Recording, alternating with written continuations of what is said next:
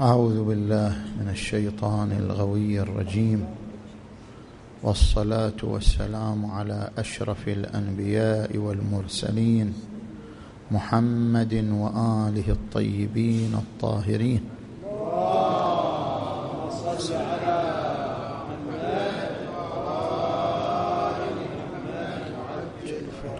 بسم الله الرحمن الرحيم.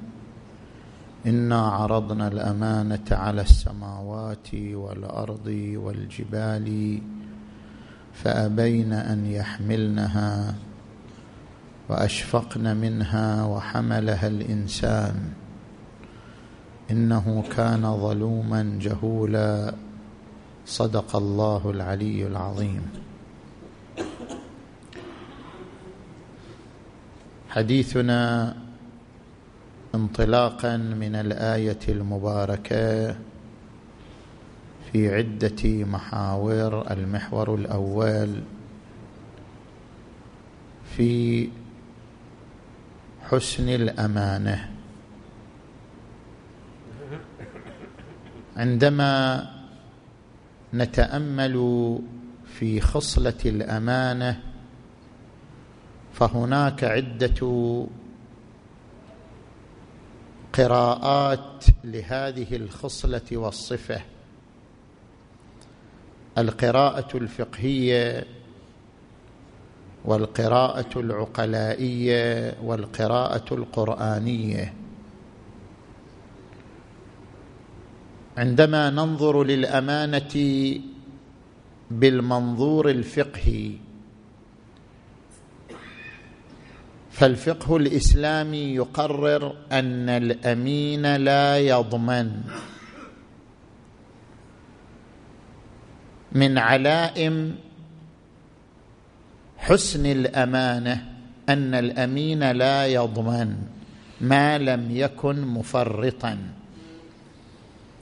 سواء كانت الأمانة أمانة مالكية أو كانت الأمانة أمانة شرعية فإن الأمين لا يضمن.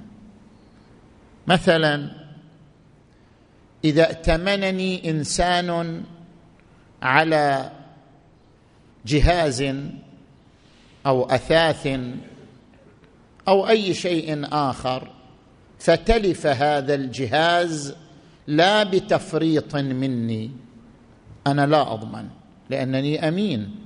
الأمين لا يضمن.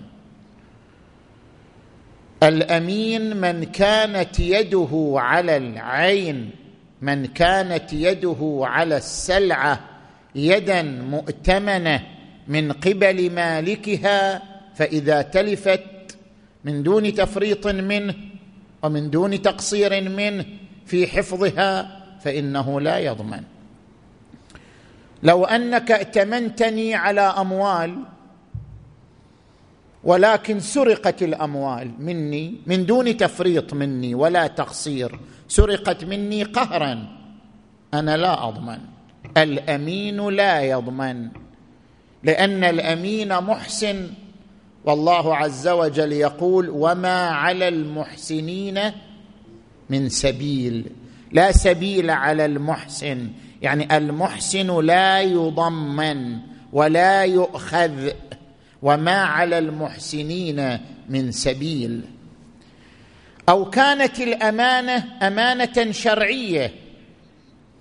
مثلا أحيانا يأتمنك الشرع الشريف على شيء وإن لم يأتمنك شخص من الأشخاص.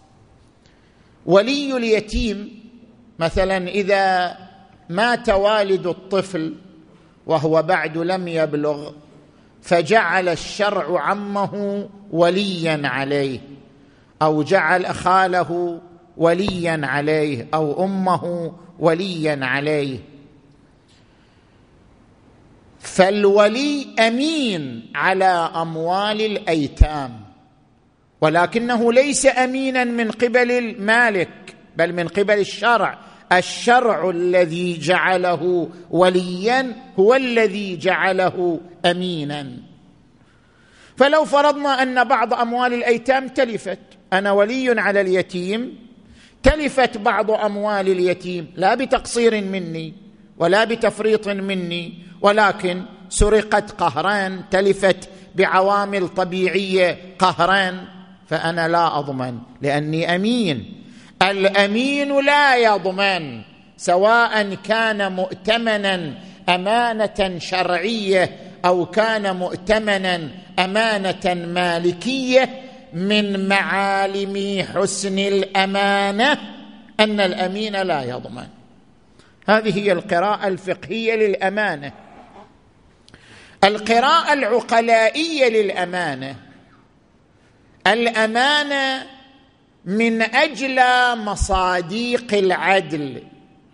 المجتمع العقلائي الفطرة العقلائية تقرر أن العدل حسن جميل. لا يمكن أن يكون العدل قبيحا العدل دائما جميل. ومن أجل مصاديق العدالة حفظ الأمانة. الأمانة عدالة. عندما أؤتمن على أمانة فأقوم بحفظها فإن حفظ الأمانة عدالة لأن العدل إعطاء كل ذي حق حقه وحفظ الأمانة لمن ائتمنني عليها من باب إعطاء ذي الحق حقه. فالأمانة عدالة والعدالة جميلة. فالأمانة صفة حسنة جميلة تقررها الفطرة العقلائية. هذا بحسب القراءة العقلائية. نجي إلى القراءة القرآنية. كيف ينظر القرآن إلى الأمانة؟ الأمانة التي يكرر القرآن تكرار يكرر القرآن ذكرها والتأكيد عليها كما في قوله عز وجل إن الله يأمركم أن تؤدوا الأمانات إلى أهلها وإذا حكمتم بين الناس أن تحكموا بالعدل.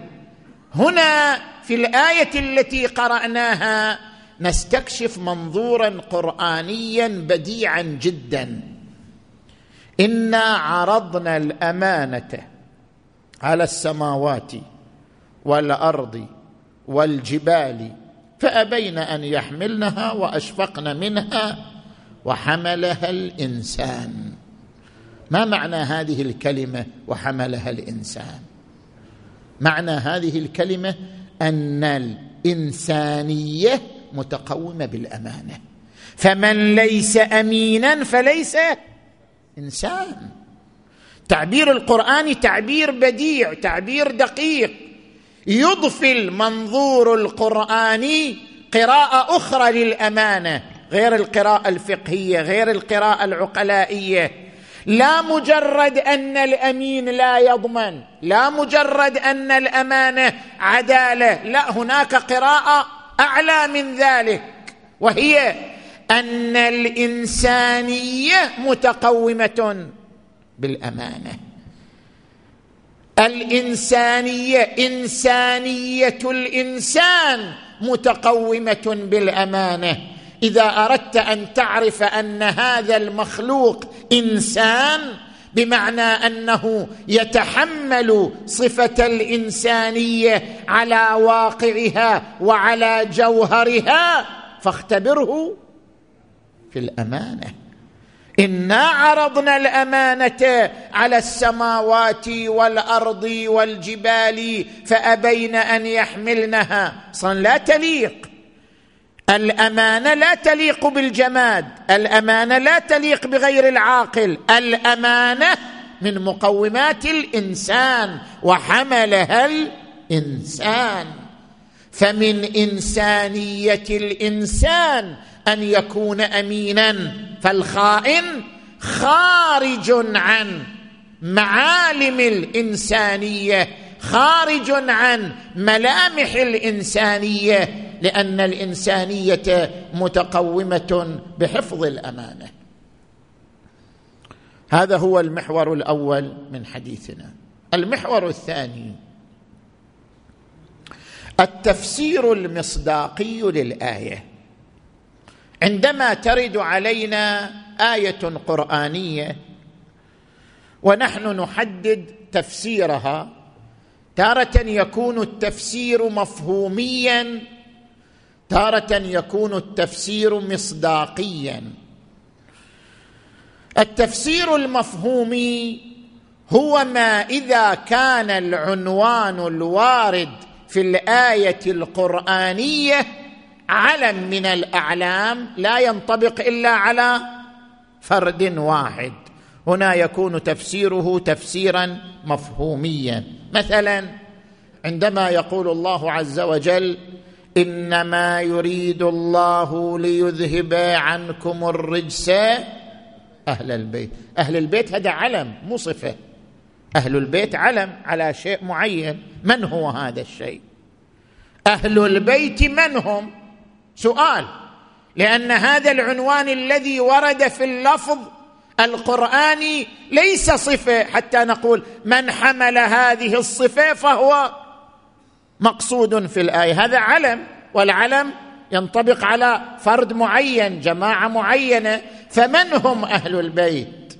اذا عندما تأتي الرواية كما في صحيح البخاري عن عائشة خرج علي رسول الله صلى الله عليه وآله وعليه مرط مرجل فقال أين فاطمة؟ أين علي؟ أين حسن؟ أين حسين؟ فلما اجتمعوا عنده اشتملهم بالكساء وقال اللهم هؤلاء أهل بيتي إنما يريد الله ليذهب عنكم الرجس أهل البيت ويطهركم تطهيرا. صل على محمد هذا يعد تفسير مفهومي. يعني مفهوم أهل البيت هو هؤلاء لا غيرهم. وتارة يكون التفسير تفسيرا مصداقيا. كيف؟ إذا كان العنوان الوارد في الآية وصف وليس علم. الوصف ينطبق على كل من اتصف به.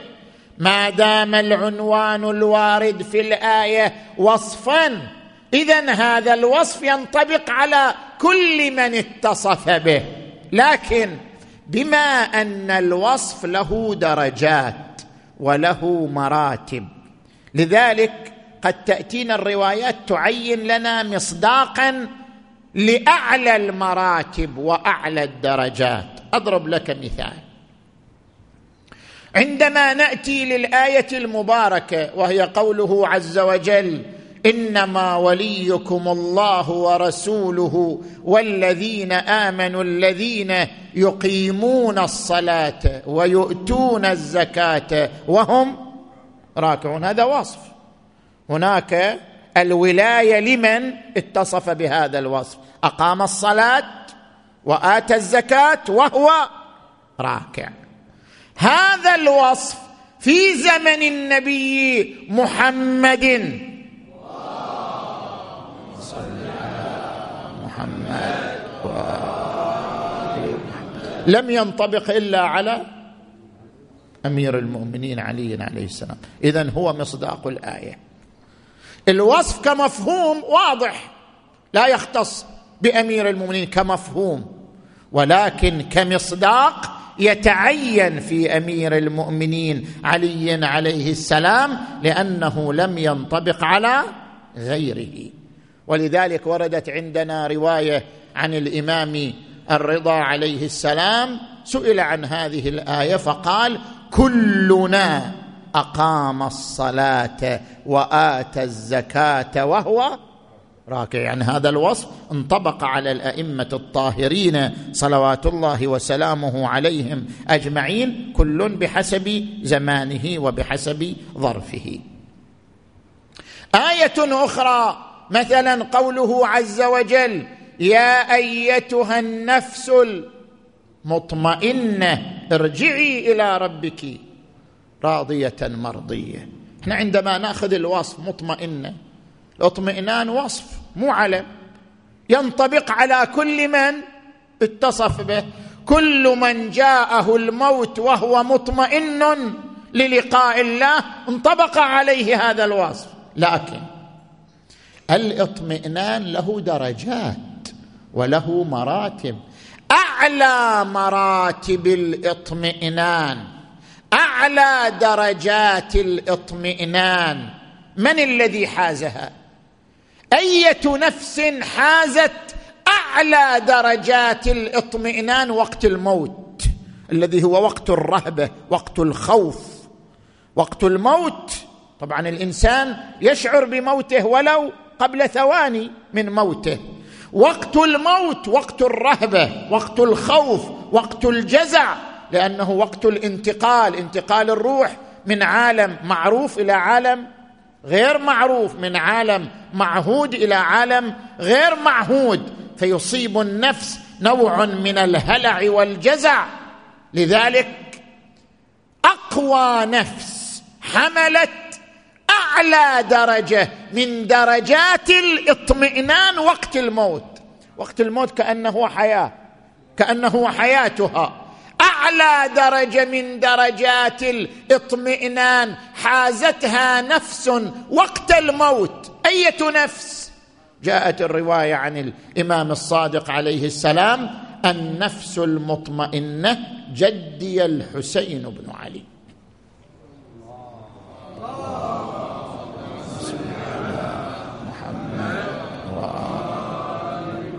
هذا تفسير مصداقي. مفهوم الاطمئنان واضح ينطبق على كل من اتصف به. لكن الرواية تريد أن تقول لنا أعلى درجات الاطمئنان تحلت بها هذه النفس القدسية نفس الحسين بن علي سيد الشهداء. صلوات الله وسلامه عليه وعلى آبائه وأبنائه الطيبين الطاهرين. من هنا عندما نأتي إلى الآية المباركة. إنا عرضنا الأمانة. الأمانة مفهومها واضح. الأمانة هي ما استودع فيقال له أمانة لكن ما هو مصداق الأمانة؟ نجي إلى التفسير المصداقي.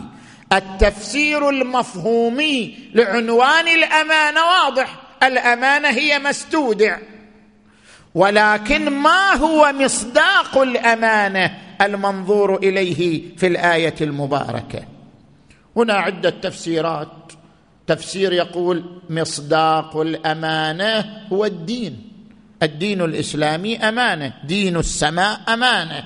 حملها الإنسان فانقسم الإنسان إلى قسمين أمين وخائن والخائن عبر عنه القرآن الكريم إنه كان ظلوما جهولا. تفسير الآخر الذي يقول الأمانة ولاية علي بن أبي طالب.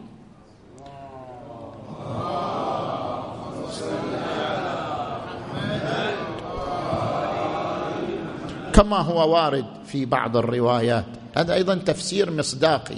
بيان أعلى مصاديق الأمانة أعلى درجات الأمانة حفظ الولاية ولاية علي بن أبي طالب لأن حفظ ولاية علي يحتاج إلى الثبات يحتاج إلى الصبر أمام الاضطهاد أمام الظلم أمام الظروف الخانقة.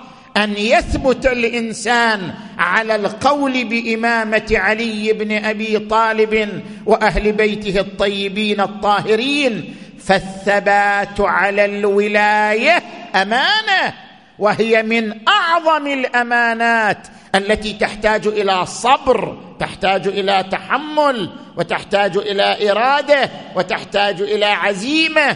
لذلك عبر عنها القرآن الكريم أو أشار إليها القرآن الكريم بعنوان الأمانة. هذا تفسير مصداقي للأمانة.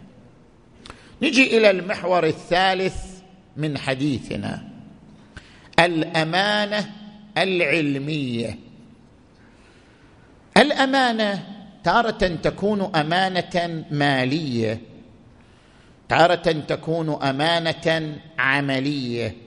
تارة تكون أمانة علمية الأمانة على أقسام ثلاثة. أمانة مالية واضح. أنا أعطيك جهاز تحفظه لي أنا مسافر. احفظ هذا الذهب عندك احفظ هذا الجهاز عندك إلى أن أرجع. هذه أمانة مالية. تارة تكون الأمانة أمانة عملية. مثلا فلان ولي على مثلا تربية الأطفال. فلان ولي على رعاية الأوقاف. فلان ولي على رعاية الأيتام. هذه أمانة عملية. يعني ائتمن على عمل معين وهو حفظ مال الوقف حفظ مال اليتيم حفظ مال أي شخص آخر. وهناك أمانة علمية. كيف يعني الأمانة العلمية؟ يعني مثلا تجي إلى الطبيب. الطبيب مؤتمن لكن أمانة علمية. الطبيب مؤتمن على العلم الذي درسه أن يطبقه بأمانة وإخلاص وصدق. شوف هذا طبيب يفتح له عيادة يفتح له عيادة. إيش قد هو يقدر يعالج في اليوم؟ مثلا يقدر مثلا يعالج في اليوم عشرة أشخاص يدخل له في العيادة خمسين. هذا ما يصير ما يقدر. الإنسان قدرته شنو؟ محدودة طاقته محدودة. العلاج يحتاج إلى فحص دقيق يحتاج إلى تركيز ذهني يحتاج إلى تفرغ. إذا دخل المريض على الطبيب فالمريض يقول للطبيب أنا أمانة عندك أنت أودعت علما وهو علم علاج الأبدان وهذا العلم أمانة لديك فمقتضى الأمانة أن تطبق هذا العلم بدقة أن تطبق هذا العلم بإخلاص. اذا أنا مؤتمن أنا الطبيب مؤتمن على علم الطب. إذا تشوف الطبيب لا. بدل أن يأخذ في الفحص والتدقيق وقت كافي يلا يمشيها يحط له دواء ومع السلامة. هذا خلاف الأمانة. مقتضى الأمانة أن يسخر الطبيب طاقته وقدرته في الفحص الكافي حتى يتوصل إلى العلاج الدقيق. هذا هو مقتضى الأمانة. هذه نسميها أمانة شنو؟ علمية. الأمانة العلمية للطبيب كالأمانة العلمية للفقيه. ننتقل هنا إلى الفقيه. الفقيه أيضا أمين. أمين على دين الله. أمين على شرع الله. ورد في الرواية عن الحسين بن علي عليه السلام مجاري الأمور بيد العلماء أمناء الله. على حلاله وحرامه الفقيه أمين. كما أن الطبيب أمين ائتمنه الله على أبدان الناس على علم الطب. الفقيه أمين ائتمنه الله على الحلال والحرام. ائتمنه الله على الشريعة. ائتمنه الله على الدين. وهي أعظم أمانة. وهي أقدس أمانة. وأشد الأمانات خطورة الأمانة على الدين أن الدين دين الله امانه بيدي أمناء الله على حلاله وشنو؟ وحرامه. فالفقيه يحمل أمانة خطيرة جدا وهي أن شرع الله بيده. لذلك لا بد أن يتمتع الفقيه بأعلى درجات العدالة وأعلى درجات التقوى. لما؟ لأنه حمل أمانة خطيرة تحتاج إلى أعلى درجات التثبت والتقوى والعدالة حتى يقوم بحفظ هذه الأمانة وجعلها في مواردها. وفي محلها. مجاري الأمور بيد العلماء أمناء الله على حلاله وحرامه. فالشرع أمانه الشريعة أمانه دين السماء أمانه وأخطر أمانه بيد من؟ بيد الفقيه. لذلك ترى فقهاءنا الأمناء يكرسون أوقاتهم الطويلة. واحد يستغرب يقول ليش هذا فقيه يعني يأخذ وقت زايد يعني. هذا حتى يستنبط الحكم الشرعي حتى يطلع الرسالة العملية. يأخذ سنين طويلة يفحص ويدقق ويبحث وينقب ويرجع ويكرر ويرجع ويكرر. ليش؟ ماكو داعي. قضية سهلة. أنا أقرأ القرآن الكريم وأقدر أفهم وأقرأ الروايات واقدر قضية سهلة كلش. مقتضى الأمانة لأنه اؤتمن على الدين. مقتضى الأمانة أن يقف عند كل حرف أن يقف عند كل كلمة أن يبذل أقصى وسعه أقصى طاقته أقصى ما أعطاه الله من قدرة عقلية من قدرة ذهنية من قدرة ذوقية أن يبذل أقصى طاقته في سبيل استنباط الأحكام الشرعية. لذلك يطيل في استنباط الأحكام فترات طويلة حتى يكون قد استفرغ وسعه واستفرغ طاقته فيما اؤتمن عليه وفيما استودع عنده. الفقيه المرجع. له وظائف ثلاث ائتمن عليها وهو حامل الأمانة بالنسبة إليها.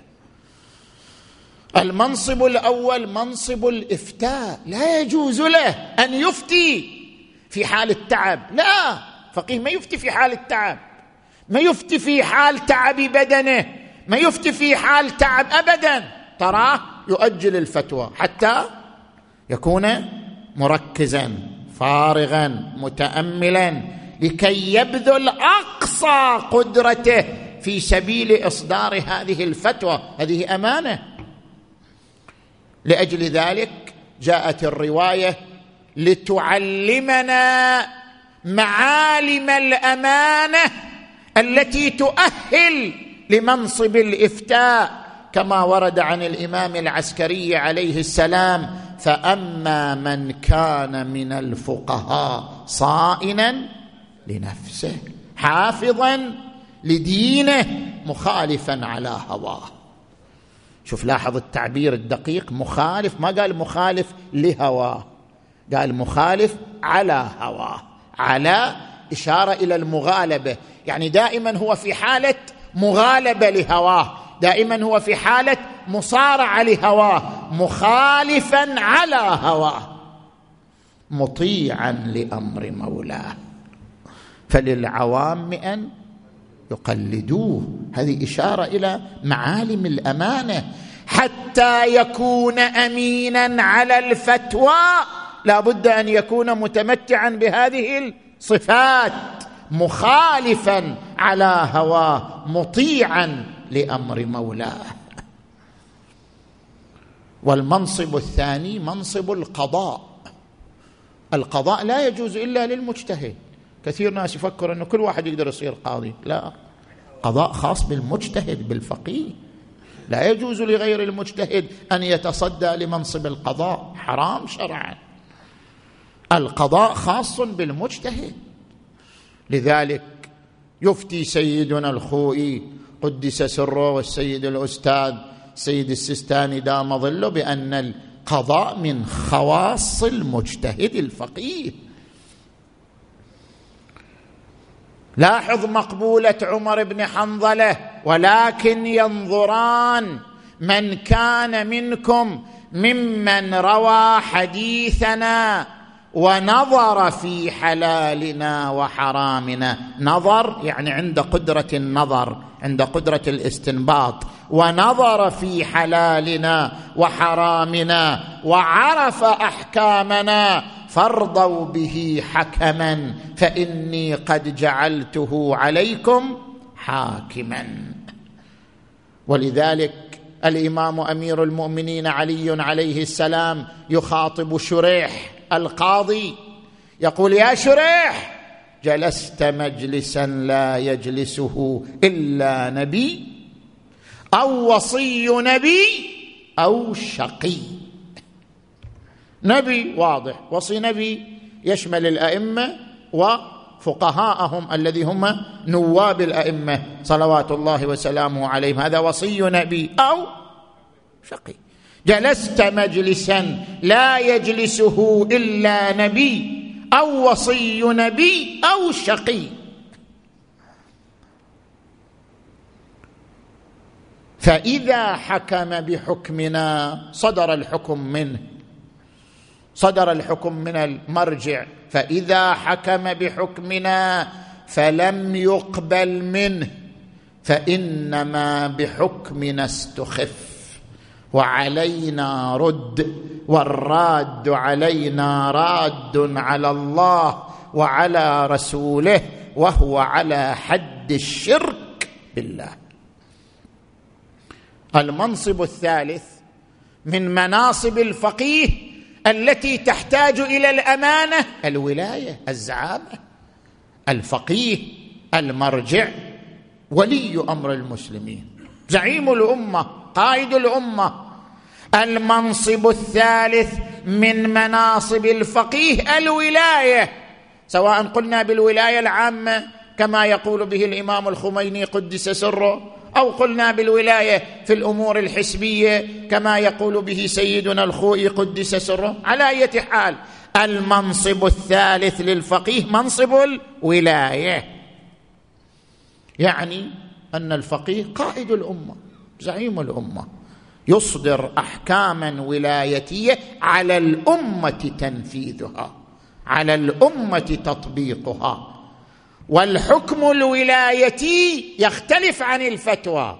الفتوى هي قضية كلية. مثلا يقول الفقيه من شك بين الثلاث والأربع في صلاته بنى على الأربع وسلم وأتى بركعة احتياط قائمه هذا يسموه فتوى لأن هذا حكم عام. أما الحكم الولايتي فهو الخطاب الصادر من الفقيه في ظرف معين. شوف الفقيه يقول يحرم شراء البضائع الإسرائيلية. هذا يسموه شنو؟ حكم. صدر خطاب في ظرف معين. هذا مو حكم لكل زمان. ولكل مجتمع لا هذا ظرف خاص بما دامت هذه الدولة محاربة للمسلمين. تمام لو لا؟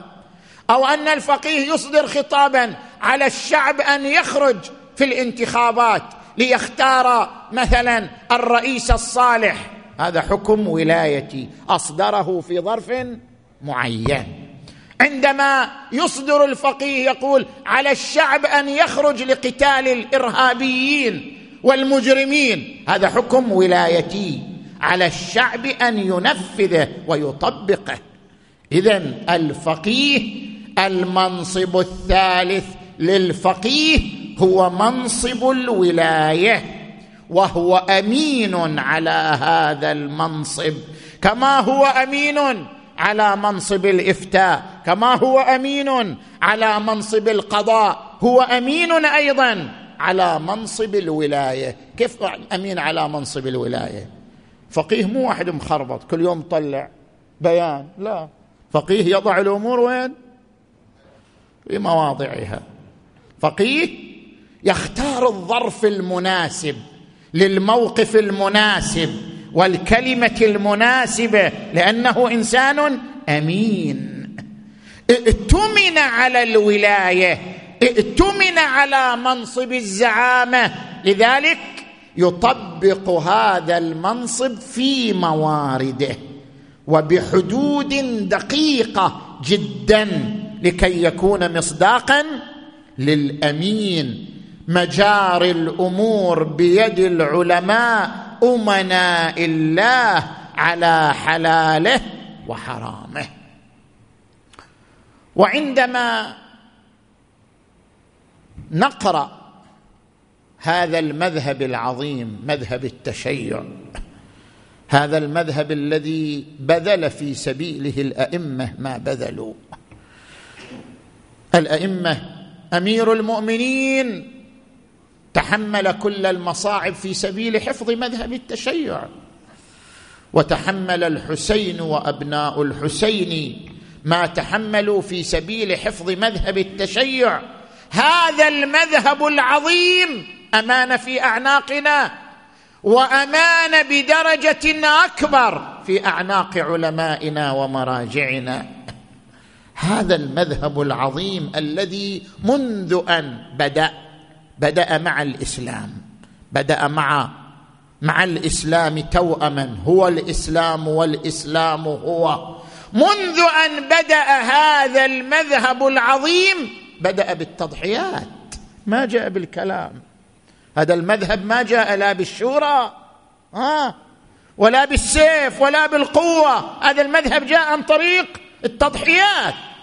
جاء عن طريق تضحية الزهراء عليها السلام تضحية الحسن تضحية الحسين تضحية الكاظم تضحية الرضا تضحية الهادي تضحية العسكري. مذهب التشيع إنما ثبت على الأرض لا بالسيف ولا بالقوة ولا بالشورى وإنما ثبت بالتضحيات والبطولات فهو مذهب ترسخ بالتضحيات والبطولات منذ أول يوم من أيامه. لذلك كان حفظ هذا المذهب أمانة في أعناق أبنائه. وأمانة بدرجة أكبر في أعناق علمائه ومراجعه فهم المؤتمنون عليه. من خصائص هذا المذهب الذي يتميز به على الملل الأخرى والنحل الأخرى أن قوة هذا المذهب وين تكمن؟ إذا تريد تقرأ المذاهب يقول وين قوة المذهب الشافعي؟ وين قوة المذهب المالكي؟ وين النقطة التي بها يتبين لنا قوة المذهب المالكي قوة المذهب الشافعي؟ أين النقطة التي يتجلى لنا بها قوة المذهب الإمامي؟ أين؟ قوة المذهب الإمامي في المرجعية في منصب المرجعية. منصب المرجعية هو الذي يضفي على هذا المذهب قوة يتميز بها على المذاهب الأخرى. كلمة المرجع كلمة نافذة سارية. كلمة المرجع ترفع أمة وتضع أمة أخرى. كلمة المرجع تخلق مجتمعا جديدا مجتمعا آخر غير المجتمع السابق. اذا قوة المذهب الإمامي تتجلى لنا في منصب المرجعية. وإنما يكون منصب المرجعية مصداقا لقوة المذهب الإمامي لأن منصب المرجعية لدى الإمامية ما يعطى لأي أحد. أمانة هذا؟ ما يسلم لأي أحد. مو كل واحد مسك له إذاعة ولا مسك له قناة؟ قال أنا. آية الله والمرجع. ولا ما تصير ما تصير في المذهب ما تصير في الشيعة ما يصير هذا ما يصير. المرجعية لا تنال بالإعلام ولا تنال بالألقاب ولا تنال بال مثلا بالدعاية لا لا لا ما يصير أبدا ولا بالأموال. المرجعية لدى الإمامية التي هي سر قوتهم وسر عظمة مذهبهم لا تنال إلا بالكفاءة العلمية المعروفة في الحوزات العلمية. إذا شهدت الحوزات أن هذا نعم هذا في طليعة الفقهاء في طليعة الأساتذة استحق منصب مرجعية. كفاءة العلمية. مميز. والخصلة الثانية الأمانة أن يعرف في الحوزات العلمية بالزهد بالتقوى بالورع. سيدنا الأستاذ السيد السيستاني دام ظله. منذ أن كان طالبا في دوحة أستاذه السيد الخوئي قدس سره معروف بالتقوى معروف بالورع معروف بالزهد. تاريخه تاريخ علمي تاريخه تاريخ تقوى تاريخ الزهد تاريخ الورع هذا التاريخ العلمي والعملي هو الذي يؤهله لأن يكتسب منصب المرجعية. ولذلك سيد الأستاذ دام ظله لا قامت قنوات تروج إليه صح لو لا؟ ولا قام إعلام يطبل إليه. ولا أحتاج إلى الأموال ولا أحتاج إلى هذا. لما توفي أستاذه السيد الخوئي قدس سره وتهيأت الأرضية برز على عالم التشيع. ما كان محتاج لا إلى قنوات ولا إلى إعلام ولا إلى شيء ابدا ابدا. اذا بالنتيجة سر عظمة المذهب في عظمة المرجعية وسر عظمة المرجعية في الكفاءة العلمية والزهد والتقوى التي تتحلى بها. لذلك هذه الخصال العظيمة هي التي تؤهل المرجعية لأن تكون أمين على الشريعة أمين على منصب الولاية. ومن الخصال التي تمتع بها مراجعنا الأعلام قدس الله أسرارهم وحفظ الله الباقين منهم مضافا إلى الكفاءة العلمية مضافا إلى الزهد والتقوى الحكمة. يضعون الأمور في مواضعها.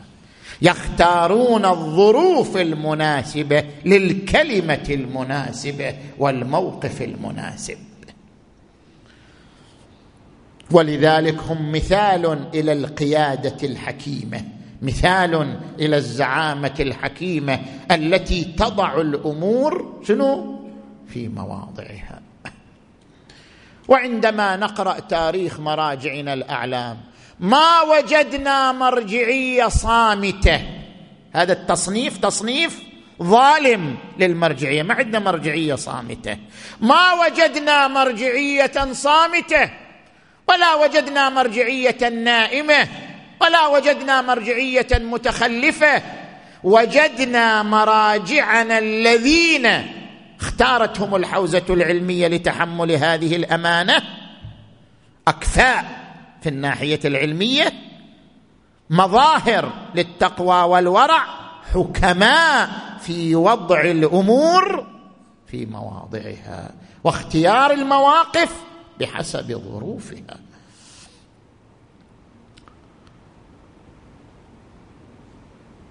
الميرزا محمد تقي الشيرازي قائد ثورة العشرين في العراق خطط للثورة وأعلن الثورة في الظرف المناسب لها.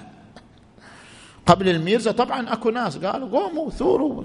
بس هو كان ساكت إلى أن جاء الظرف المناسب. هو هو المرجع طبعا مو المرجع ما يستشيرك وناس فكروا إنه المرجع ما يستشير لا هذا اشتباه. مراجعنا كلهم يستشيرون يستشيرون أهل العقل أهل الحصافة أهل الفهم. السيد الثاني عنده مستشارين يرجع إليهم يستشيرهم. يستنير بآرائهم. المرجع مو دكتاتور مو مستبد برأيه. جميع مراجعنا يمشون على على طريق الاستشارة وأخذ الرأي من أهل الرأي. زين. ميرزا الشيرازي قبل ما هو يعلن الثورة كثير ناس أعلنوا الثورة. كل واحد كيفه؟ بس ما استجاب الشعب لهم. هو لأنه زعيم محنك حكيم. عندما رأى الظرف المناسب لإعلان الثورة أعلنها فقام العراق معه في ذلك الظرف العصيب. الإمام الخميني قدس سره متى أعلن الثورة؟ ربما قبله علماء أعلنوا ربما بعده علماء أعلنوا لكنه اختار الظرف المناسب للموقف المناسب وهكذا.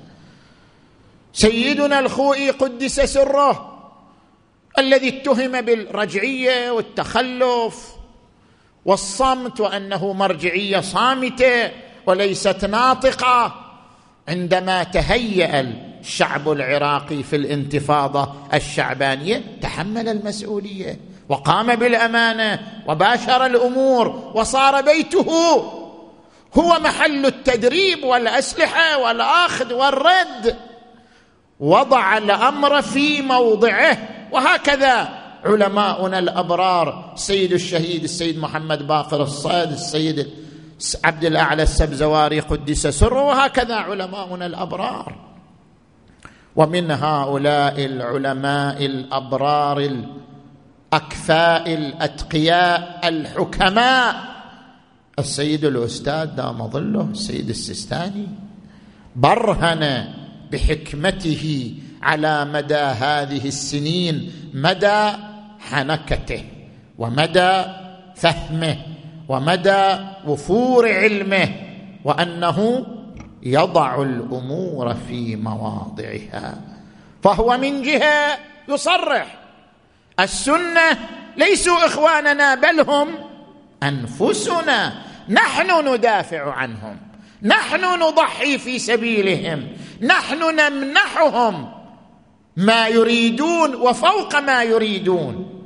ولكنه من جهة أخرى يقول بأن الإرهابيين الذين يهددون الحياة يهددون العتبات المقدسة يهددون وحدة وحدة المجتمع يهددون رسوخ الكيان الإسلامي لا بد من مواجهتهم في سبيل حفظ المجتمع الإسلامي عن الفتنة والفرقة في سبيل حفظ العتبات المقدسة في سبيل حفظ وحدة الكلمة في سبيل حفظ الأعراض والأموال والأنفس والكرامات والحرمات.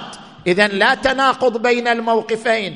هو من جهة يؤكد ويبقى يؤكد أنه لا فرق بين أبناء المذاهب الإسلامية. كلهم سواء كلهم يظلهم الإسلام بظله الوارف ومن جهة أخرى أن الفئة هناك فئة معينة واضحة لدى كل المسلمين مهما حاول بعض وسائل الإعلام أن يلف ويدور هناك فئة معينة معروفة لدى كل المسلمين. هذه الفئة لا تمثل السنة ولا تمثل الشيعة ولا تمثل الإسلام ولا تمثل أي ملة أخرى.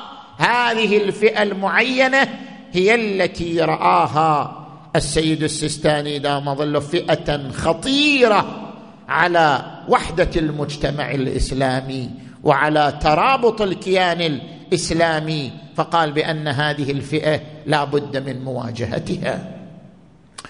اذا المرجعية الشيعية مظهر للأمانة في مختلف أدوارها في دور الفتوى في دور القضاء في دور الولاية هي مظهر مظهر للأمانة وهي مصداق جميل لتحمل الأمانة.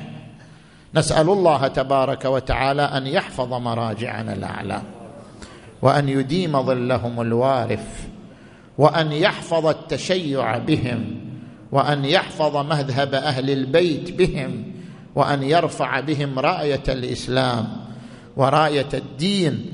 اللهم انصر إخواننا المؤمنين في كل مكان واحفظ أنفسهم وأعراضهم وأموالهم ومقدساتهم.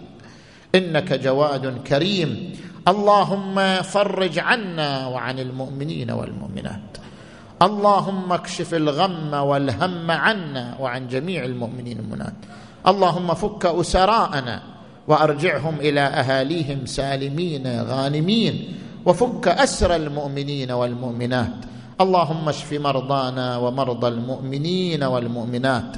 واقض حوائجنا وحوائجهم. اللهم صل على محمد وآل محمد. اللهم كن لوليك الحجة بن الحسن. صلواتك عليه وعلى آبائه في هذه الساعة وفي كل ساعة وليا وحافظا وقائدا وناصرا ودليلا وعينا حتى تسكنه أرضك طوعا وتمتعه فيها طويلا. برحمتك يا أرحم الراحمين وارحم أمواتنا وأموات المؤمنين والمؤمنات وإلى أرواح الجميع بلغ ثواب الفاتحة تسبقها الصلوات.